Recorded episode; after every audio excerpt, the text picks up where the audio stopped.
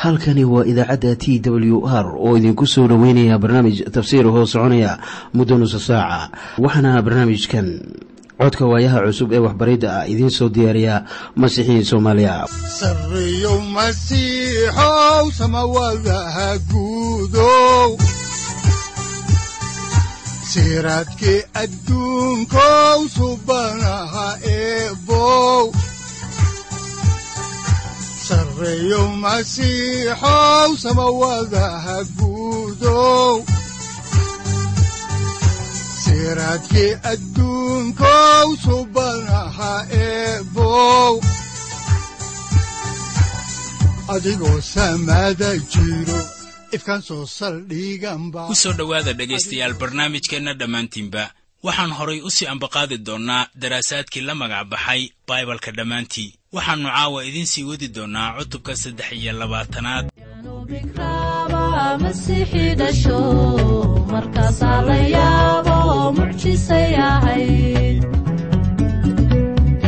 Iyadoo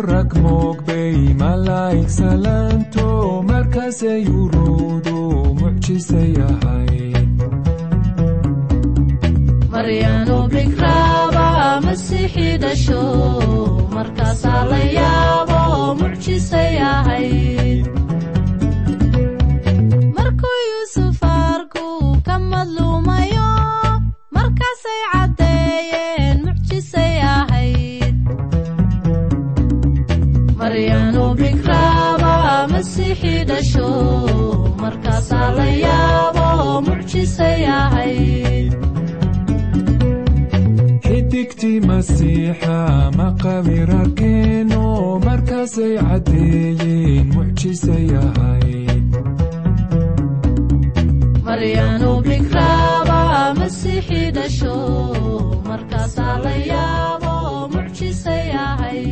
markii noogu dambaysay waxaannu ku guda jirnay toobadkeenkii ninkii xumaanfaraha ahaa ee kula qodbanaa ciise masiix isku tallaabta.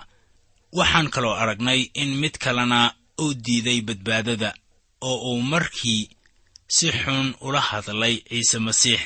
Ha yeeshee kii toobad keenay waxaa loo ballanqaaday inuu la joogi doono masiixa jannada. Haddaba maalintaas waxaa ninkan marka la eego sharciga reer rooma aan istaahilin inuu dunida ku noolaado laakiin rumaysadkiisa ah in kan la qodban uu yahay wiilkii ilaah ayaa ka dhigtay tuug la badbaadiyey. Ninkanu wuxuu lahaa rumaysad ah in ciise masiix uu la imaanayo boqortooyadiisa. Boqortooyaduna waxay imaanaysaa kadib markii uu dhinto. Waxa tanu ay ka micno tahay in ninka tuugga ah wax badan oo culuun ah ay u korartay intii uu saarnaa isku tallaabta. Sayidkeenna si qurux badan ayuu ula hadlay ninkan. Kadib markuu ku yidhi hubaal maanta waxaad ila joogi doontaa firdooska ama jannada. Haddaba labadii tuug ee la qodbanaa ciise masiix waxaa loo qabtay hal dembi oo ay wada faleen oo isla dembigaas ayaa maxkamad loo keenay oo isla dembigaas ayaana loo xukumay oo isku dembi ayay u wada dhimanayaan. Haddaba muxuu yahay kala duwanaanshaha u dhexeeya labada nin markaana wax farqi ah oo u dhexeeya labada nin ayaan jirin. Ha yeeshee waxa keliya ee ay ku kala duwanaan karaan waxa weeye. In mid ka mid ah labada tuug uu rumaysnaa ciise masiix kan kalena uusan rumaysnayn. Saaxiibayaal sayidkeennu wuxuu ku yidhi kii rumaystay maanta firdooska ayaad igula jiri doontaa. Wuxuu hor yimid ilaah kadib markii uu rumaysad ku aqbalay masiixa. Iminka ayaannu soo gaarnay maaddada ah ciise oo ruuxiisii bixinaya. Haddaan markii ugu horraysay idin akhriyo kitaabka ayaan eegayaa injiilka sida luukas uu u qoray cutubka saddex iyo labaatanaad aayadaha afar iyo afartan ilaa shan iyo afartan. Waxaa qoran sida tan haddaba waxay ahayd abbaaraha saacaddii lixaad dhulka oo dhammuna gudcur buu noqday ilaa saacaddii sagaalaad qorraxdu way madoobaatay. Daahii macbudkuna dhexda ayuu ka kala dilaacay noloshii masiixa waxaa astaan u ahaa daaha macbudka oo kala dilaacay kaasoo u taagan sidii xaaladdu ay ahayd wakhtiyadii ahdigii hore oo dadkuna ayaan ilaah is-hortaagi karin. Markii masiixu uu ku dul dhintay iskutallaabta ayaa macbudkii laba uu u kala qaybsamay. Si dariiqii ilaah loo furo haddaan markii ugu horraysay idiin akhriyo injiilka sida luukas uu u qoray cutubka saddex iyo labaatanaad aayadda afartan iyo lixaad ayaa waxaa qoran sida tan. Markaasaa ciise cod weyn uu ku dhawaaqay oo uu yidhi aabbow gacmahaaga ayaan ruuxayga u dhiibayaa. Goortuu waxaas yidhi ayuu ruuxii bixiyey. Haddaba waxaad xusuusataa mar kale in ditor lukos uu ka hadlayo ama dhiibanayo fikrad dhakhtarnimo wuxuu u soo joogay dad badan oo dhimanaya wuxuuna garanayay sida dadku ay u dhintaan. Wuxuu kaloo garanayay sida sayidkeennu uu u dhintay. Sidii sayidkeennu uu u dhintay way ka duwaneed. Waa wax aan hagaagsanayn in la daawado qof dhimanaya. Haddaba waxaa jira wax caam ah oo la wada garanayo oo loo yaqaano sanqadha dhimashada markii qofku uu soo tuurayo neeftii ugu dambaysay marka dadku ay heerkaasi soo gaaraan way gilgilinayaan oo ay ruxmayaan. Labadii tuug ee la saarnaa iskutallaabta shakila'aan sidaas bay u dhinteen. Laakiin sayid ciise masiix isagaa ruuxii bixiyey. Wuxuu u dhintay si xur ah iyadoo aan la jujuubin oo isagaa ruuxiisii bixiyey. Miyaad haddaba garanaysaa? Wixii uu yidhi wuxuu yidhi aabbow ruuxaygii gacantaada ayaan ugu kalsoonaaday. Isagoo sidaas ku leh cod dheer marka uu sidaas leeyahayna uma muuqdo sida nin ruuxiisii laga qaadayo. Yooxanaa ayaa taasi raacinaya oo wuxuu leeyahay hadalkiisii u dambeeyey wuxuu ahaa mid guul ay ka muuqato. Markaasoo uu lahaa cibraani ahaan tetelestai oo macnaheedu uu noqonayo way dhammaatay. Haddaan horay idinku sii ambaqaadno injiilka sida luukas uu u qoray cutubka saddex iyo labaatanaad aayadda afartan iyo toddobaad waxaa qoran sida tan. Boqol u taliyihii goortuu arkay wixii dhacay ayuu ilaah ammaanay oo uu yidhi hubaal ninkanu xaq buu ahaa. Boqol u taliyihii ayaan rumaysnahay inuu haatan noqday nin badbaado hela. Wuxuu hormood ka ahaa qodbiddii masiixa. Halka hoose ee iskutallaabta ayuu sare u eegay wuxuuna arkay wax aan caadi ahayn oo dhacaya. Markaasuu ilaah ammaanay wuxuu markaasi gartay in masiixu uu ahaa nin xaq ah. Ragga kale ee injiilada qoray ayaa raacinaya in boqol u taliyihii u yidhi kanu wuxuu ahaa wiilkii ilaah. Waxaan garanayaa qirashada boqol u taliyaha inaanay ahayn wax dhan ee uu ku soo geli karo kiniisadaha maanta. Laakiin waxaan istaajinayaa halkii uu taagnaa. Wuxuu taagnaa iskutallaabta waxba kama garanaynin dhimashada iyo sarakicidda ciise masiix. Weligiina ma uusan akhriyin kitaab ka mid ah kuwa tiyolojiyada ama diinta ah. Ninkan miskiinka ah wuxuu taagnaa meel hoose oo gudcur ah ha yeeshee hadalladii uu yidhi ayaa muujinaya rumaysadkiisa. Weli fari kama qodna kitaabka. Waxaanan haatan la soo kala baxaynaa injiilka sida luukas oo u qoray cutubka saddex iyo labaatanaad aayadda afartan iyo siddeedaad. Waxaana qoran sida tan. Dadkii oo dhan oo daawasho isugu yimid goortay arkeen wixii dhacay ayay noqdeen iyagoo laabta garaacaya. Haddaba waxay ahayd wax cabsi iyo dhakafaar badan.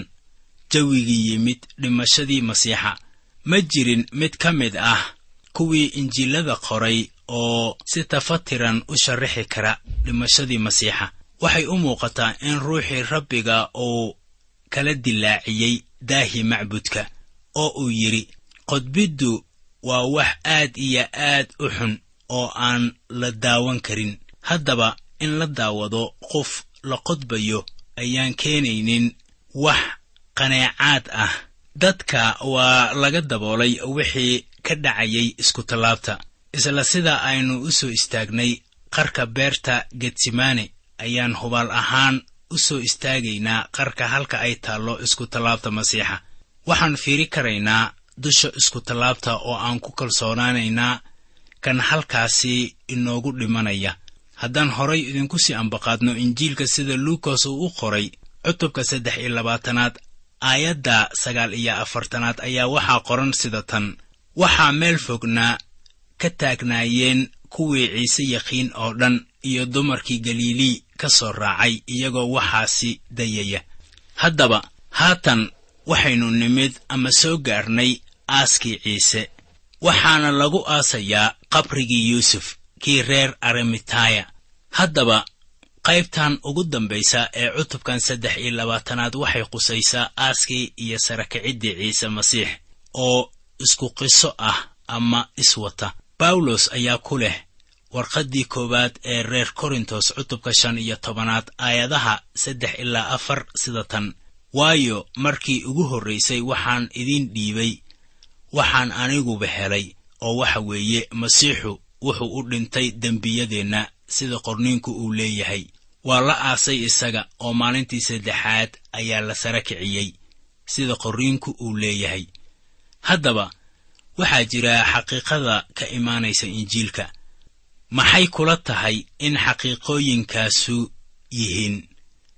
Waxa weeye in ciise uu dhintay oo la aasay iyo in ciise laga sara kiciyey dhimashada.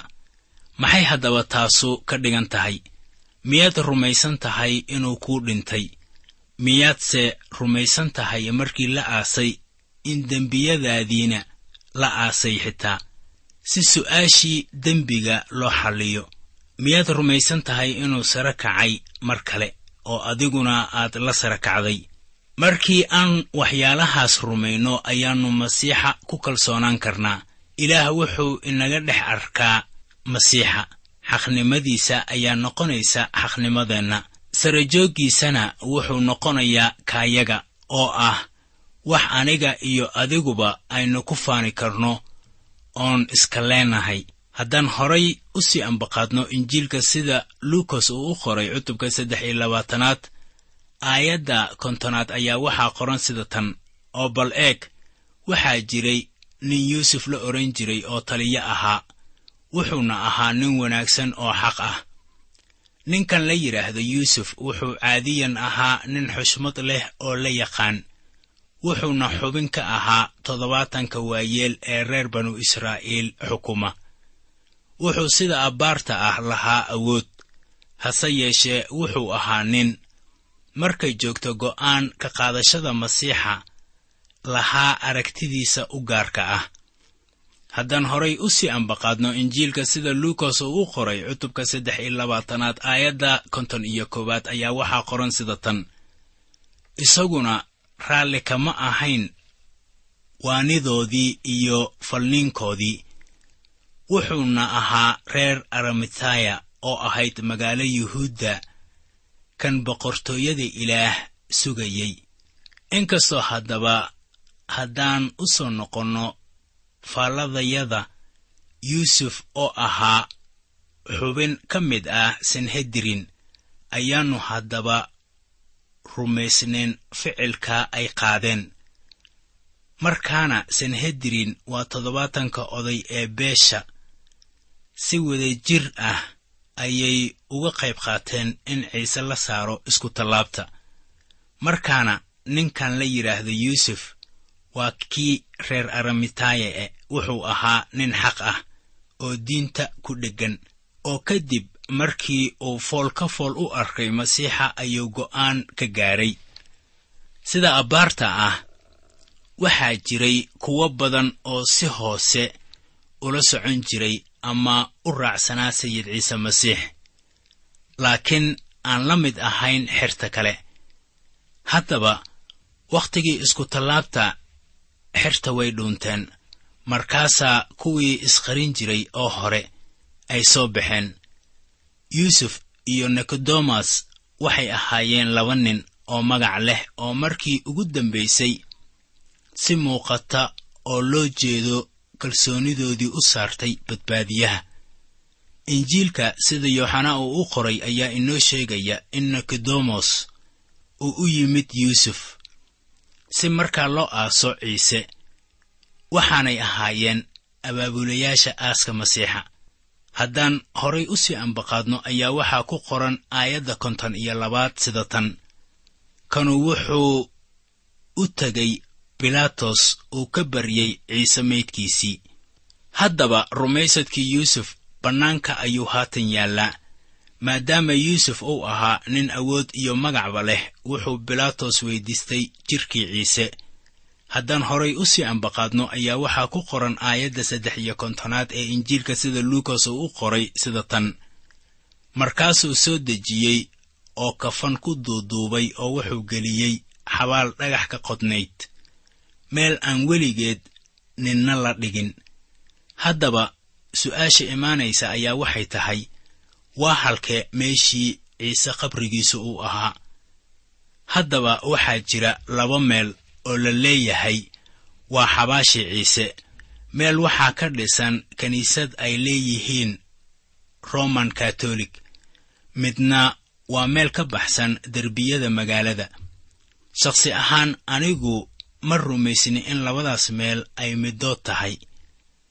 Halkii lagu aasay masiixa waxaan garanayaa inay jireen dad badan oo necab masiixa iyo masiixinimada kuwaasoo qarinaya meel waliba ee la odhan karo waa qabrigiisa sannadadii hore.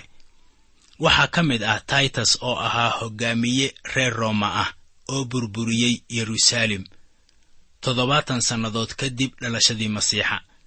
Haddaba qabriga loo yaqaano qabrigii beerta kaasoo la tuso dadka dalxiiska ah ayaa sida abbaarta ah ka badbaaday burburintii yeruusaalem waxaan hubaa inaannu ahayn qabriga jidhkii masiixa la dhigay. Inkastoo qabrigaasu uu shakila'aan ahaa meel ka mid ah dhulkaas ilaah shay sida qabri oo kale ah dooni maayo in dadku ay calaamadaystaan. Waayo waxaa laga baqayaa inay qabriga caabudaan. Intii ay rumaysan lahaayeen sayid ciise masiix. Haddaan horay idinku sii wadno xigashada kitaabka ayaannu haatan eegaynaa injiilka sida luukas uu u qoray cutubka saddex iyo labaatanaad aayadaha konton iyo afar ilaa konton iyo shan. Waxaana qoran sida tan. Waxay ahayd maalintii diyaargarayska sabtidiina waa soo dhowaanaysay. Dumarkii kala yimid galilii ayaa daba socday oo arkay xabaashii iyo sida meydkiisii loo dhigay. Haddaba hormadan aan badnayn ee ka koobnaa haweenkii raacsanaa ciise kuwaasoo samayn jiray howlaha sayidka iyo kuwa xertaba ayaa halkaasi ugu yimid isaga ugu dambayntii marka ay joogto maalintii uu dhintay ayaannu baibalku odhanaynin wuxuu dembiyadeenna u dhintay maalin arbacaad ama khamiis ah ama jimco ah. Baibalku wuxuu leeyahay un ciise wuxuu u dhintay dembiyadeenna. Markaana ma ahan inaan wakhti badan u hurno innagoo ku doodayna maalintaasu tii ay ahayd. Waxaan u malaynayaa haddaba mar haddii la yidhi galab jimcaad oo sabdi soo gelayay in maalintu ay ahayd jimco. Haweenku waxay arkeen sidii jidhkii masiixa loo dhigay. Marka dhanka kale laga eego ma ahayn aas dhammaystiran. Kol dambe ayaa nikodemos iyo yuusuf ay mara ku duuduubeen jidhkii injiilka sida yooxanaa uu u qoray ayaa raacinaya inay mara ku duuduubeen oo jidhkiisiina la ag dhigay waxyaabo laysku dardaray oo la doonayay in jidhka la mariyo sidii caadadii yuhuudda ee aasniinku uu ahaa. Haddaan horay idinku sii ambaqaadno oo aan soo gunaanadno cutubka saddex iyo labaatanaad ayaa waxaa ku qoran aayadda u dambaysa ee lix iyo kontonaad sida tan. Markaasay noqdeen ooy dhir udgoon iyo cadar soo diyaar gareeyeen sabdidiina way nasteen. Sida qaynuunku uu ahaa iyadoo ay ugu wacan tahay maalinta sabdida ah oo ah maalin nasasho. Ayaanay imaan karaynin khabriga. Waxayse diyaargaraysteen waxyaabihii udgoonaa oo jidhka ciise la marin lahaa. Laakiin way iska khasaariyeen sida luukos uu leeyahay oo markii ay xabaashii yimaadeen waxay arkeen dhagixii oo meesha laga giringireeyey iyo jidhkii ciise oo aan meesha oolin maryantii reer baytaniya sidaad xusuusataan ayaa jidhkiisii beri hore carfisay. Waa intuu noolaaye waxaase kuwa xerta ka mid ahi ay ku eedeeyeen waxa loo khasaarinayay cadarkaas. Laakiin iyadu ma ayaan khasaarin waxba haddaan halkaasi uga baxno injiilka sida luukas oo u qoray cutubka saddex iyo labaatanaad ayaannu si toos ah u abbaaraynaa injiilka sida luukas uu u qoray cutubka afar iyo labaatanaad. Marka aynu joogno cutubkan afar iyo labaatanaad ayaannu arkaynaa in ditor luukos uu qoray xaqaa'iqa ah sarakaciddii matayos iyo weliba tii markos uu qoray mid la mid ah iyo tii yooxanaa qoray.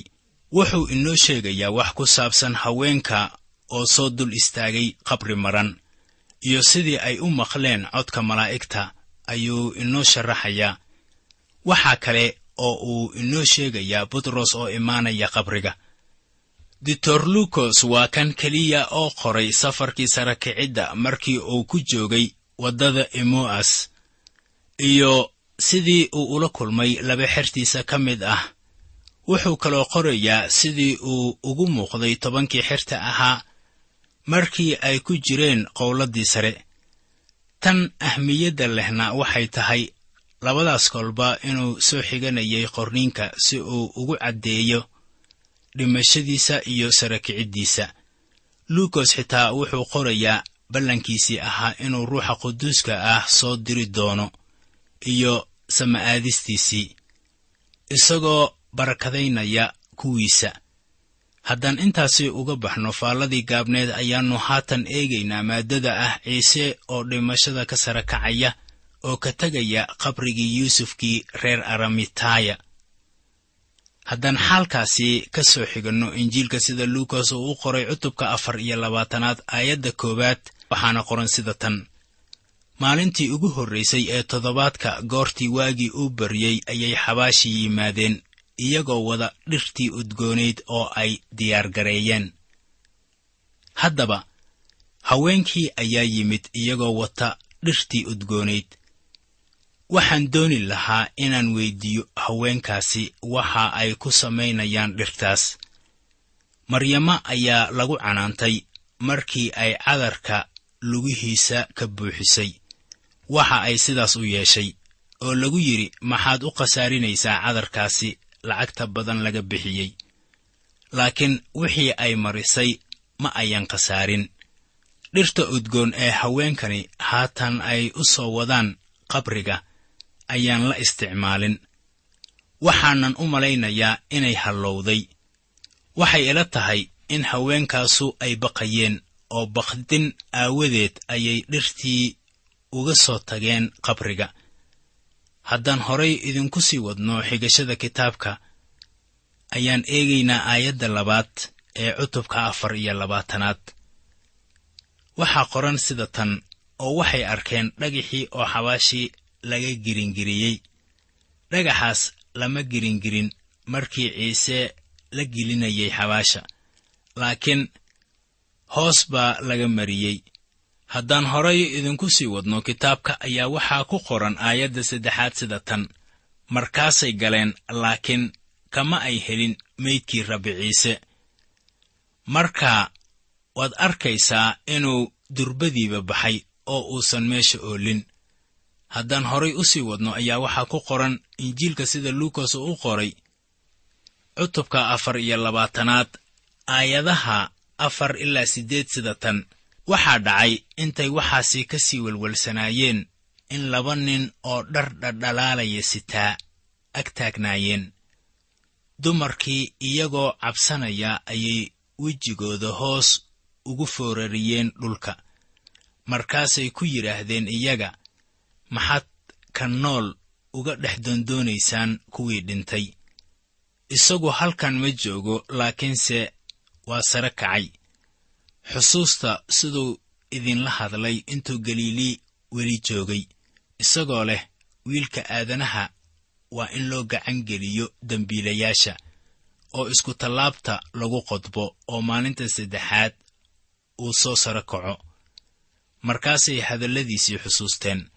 Haddaba su'aasha la weyddiiyey ee ahayd maxaad kuwa nool uga doondoonaysaan kuwa dhintay? ayaa ah mid ku habboon in la weyddiiyo maxay habluhu u yimaadeen? Maxayse yooxanaa iyo butros u yimaadeen qabriga iyagoo ordaya? Waxay kuwii dhintay ka eegayeen kuwii dhintay. Ha yeeshee ma ayan baadi goobaynin kuwa nool.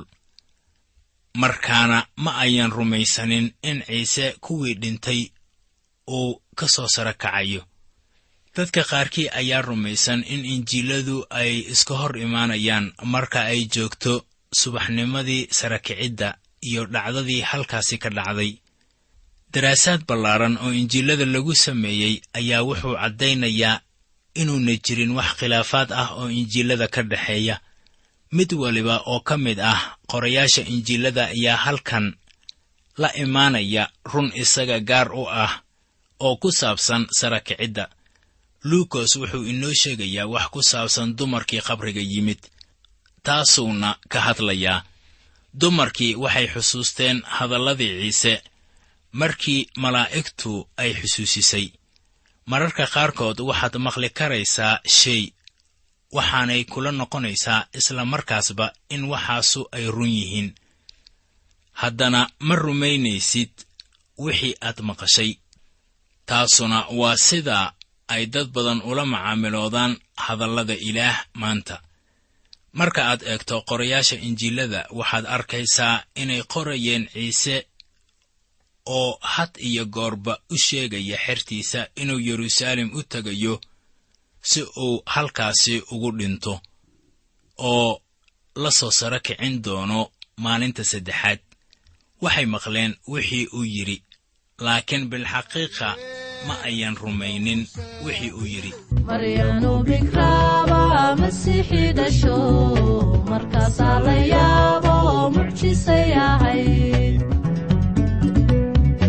Iyadoo rag moogbay malaa'ig salaanto markaasay uruudu mucjisay ahayd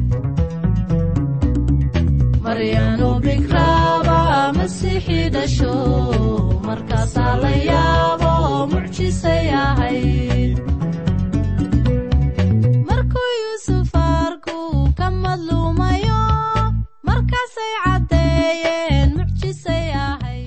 halkani waa t w r idaacadda t w r oo idinku leh ilaa ha idin barakeeyo oo ha idinku anfaco wixii aad caawi ka maqasheen barnaamijka.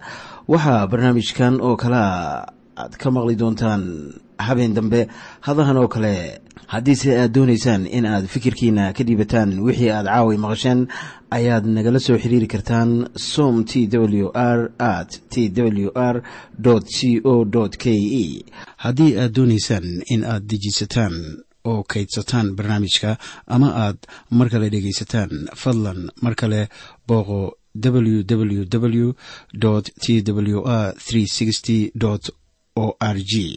Amase waxaad teleefoonkaaga ku kaydsataa ama ku download garaysataa agabyada ku sahli karaa dhegeysiga t w r haddii aad doonayso in laga kaalmeeyo dhinacyada fahamka kitaabka amase aad u baahan tahay duco fadlan fariimahaaga soo mari bogga aaraahda ama kommentska inana jawaab degdeg ah ayaanu ku soo diri doonaa amase ku siin doonaaye.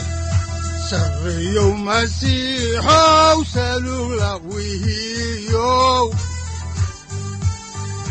saacadda timid dhulka sabada ku dhalatiyo halkani waa t w r oo idiin rajaynaya habeen baraare iyo barwaaqaba leh inta aynu ka gaari doono wakhti aynu ku kulanno barnaamij la mida kan caawayay aad maqasheen. Waxa aan idinku leeyahay nabadda ciise masiix ha idinku badato xagga jidhka iyo ruuxaba. Aamiin